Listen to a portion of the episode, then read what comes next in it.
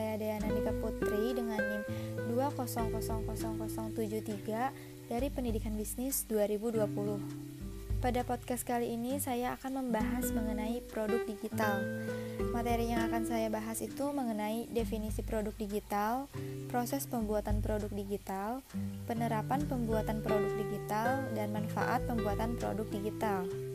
Langsung saja pada pembahasan yang pertama, yaitu mengenai definisi produk digital. Apa sih produk digital yang kalian ketahui?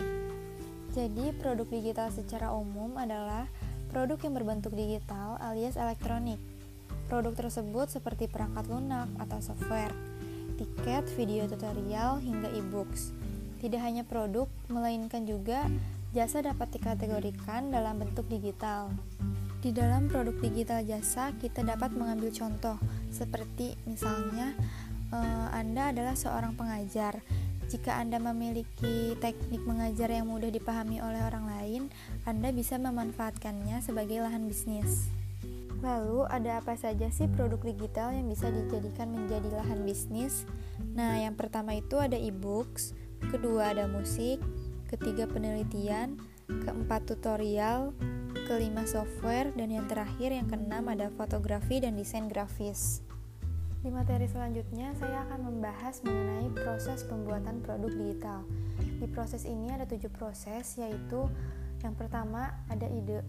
Jadi jika kita memiliki ide yang bisa diwujudkan untuk produk digital ini, pastikan ide kita itu harus jelas.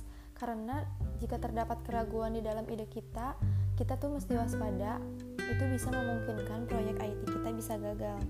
Yang kedua itu tujuan atau objektif.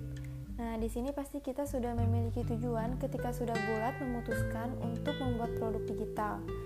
Selain tujuan juga, kita perlu banget nih membuat objektif saat bulat memutuskan untuk membuat produk digital.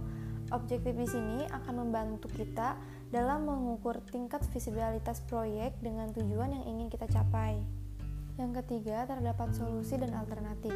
Tentunya, di dalam proses pembuatan produk digital sangat diperlukannya solusi dan alternatif. Di proses keempat, kita ada finalisasi ide, dan di proses kelima, kita bisa memulai development. Nah, di proses kelima ini, kita bisa mengetahui apakah proyek yang kita jalani ini akan berjalan dengan baik atau cenderung bisa gagal. Yang keenam itu ada tes-tes, dan yang terakhir ada implementasi. Lalu di materi selanjutnya saya akan membahas mengenai penerapan pembuatan produk digital. Yang harus kita terapkan ini ada beberapa, di antaranya yang pertama menakar sumber daya manusia. Jadi SDM di sini hal yang pertama yang sangat penting terkait pemasaran digital.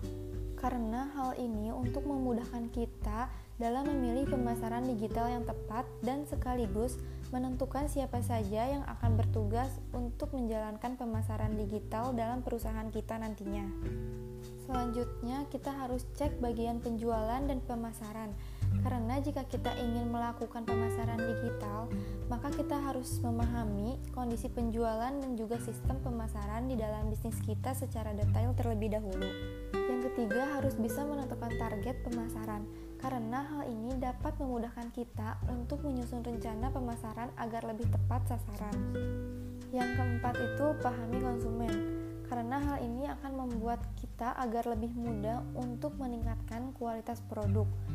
Jika konsumen menemukan yang mereka butuhkan dalam produk kita, maka secara otomatis mereka akan membeli produk kita. Yang kelima, kita harus fokus menggunakan konten yang berkualitas. Keenam, kita harus menguasai dasar-dasar dan juga strategi pemasaran. Dan yang terakhir, gunakan media pemasaran yang tepat. Jadi dengan kita menerapkan pembuatan produk digital tersebut, hal ini bisa memungkinkan kita untuk mencapai tujuan pemasaran yang lebih mudah, bahkan lebih sukses dari sebelumnya. Di materi terakhir ini, saya akan memberitahu apa saja sih proses pembuatan produk digital. Yang pasti, banyak sekali manfaat dari proses pembuatan produk digital ini.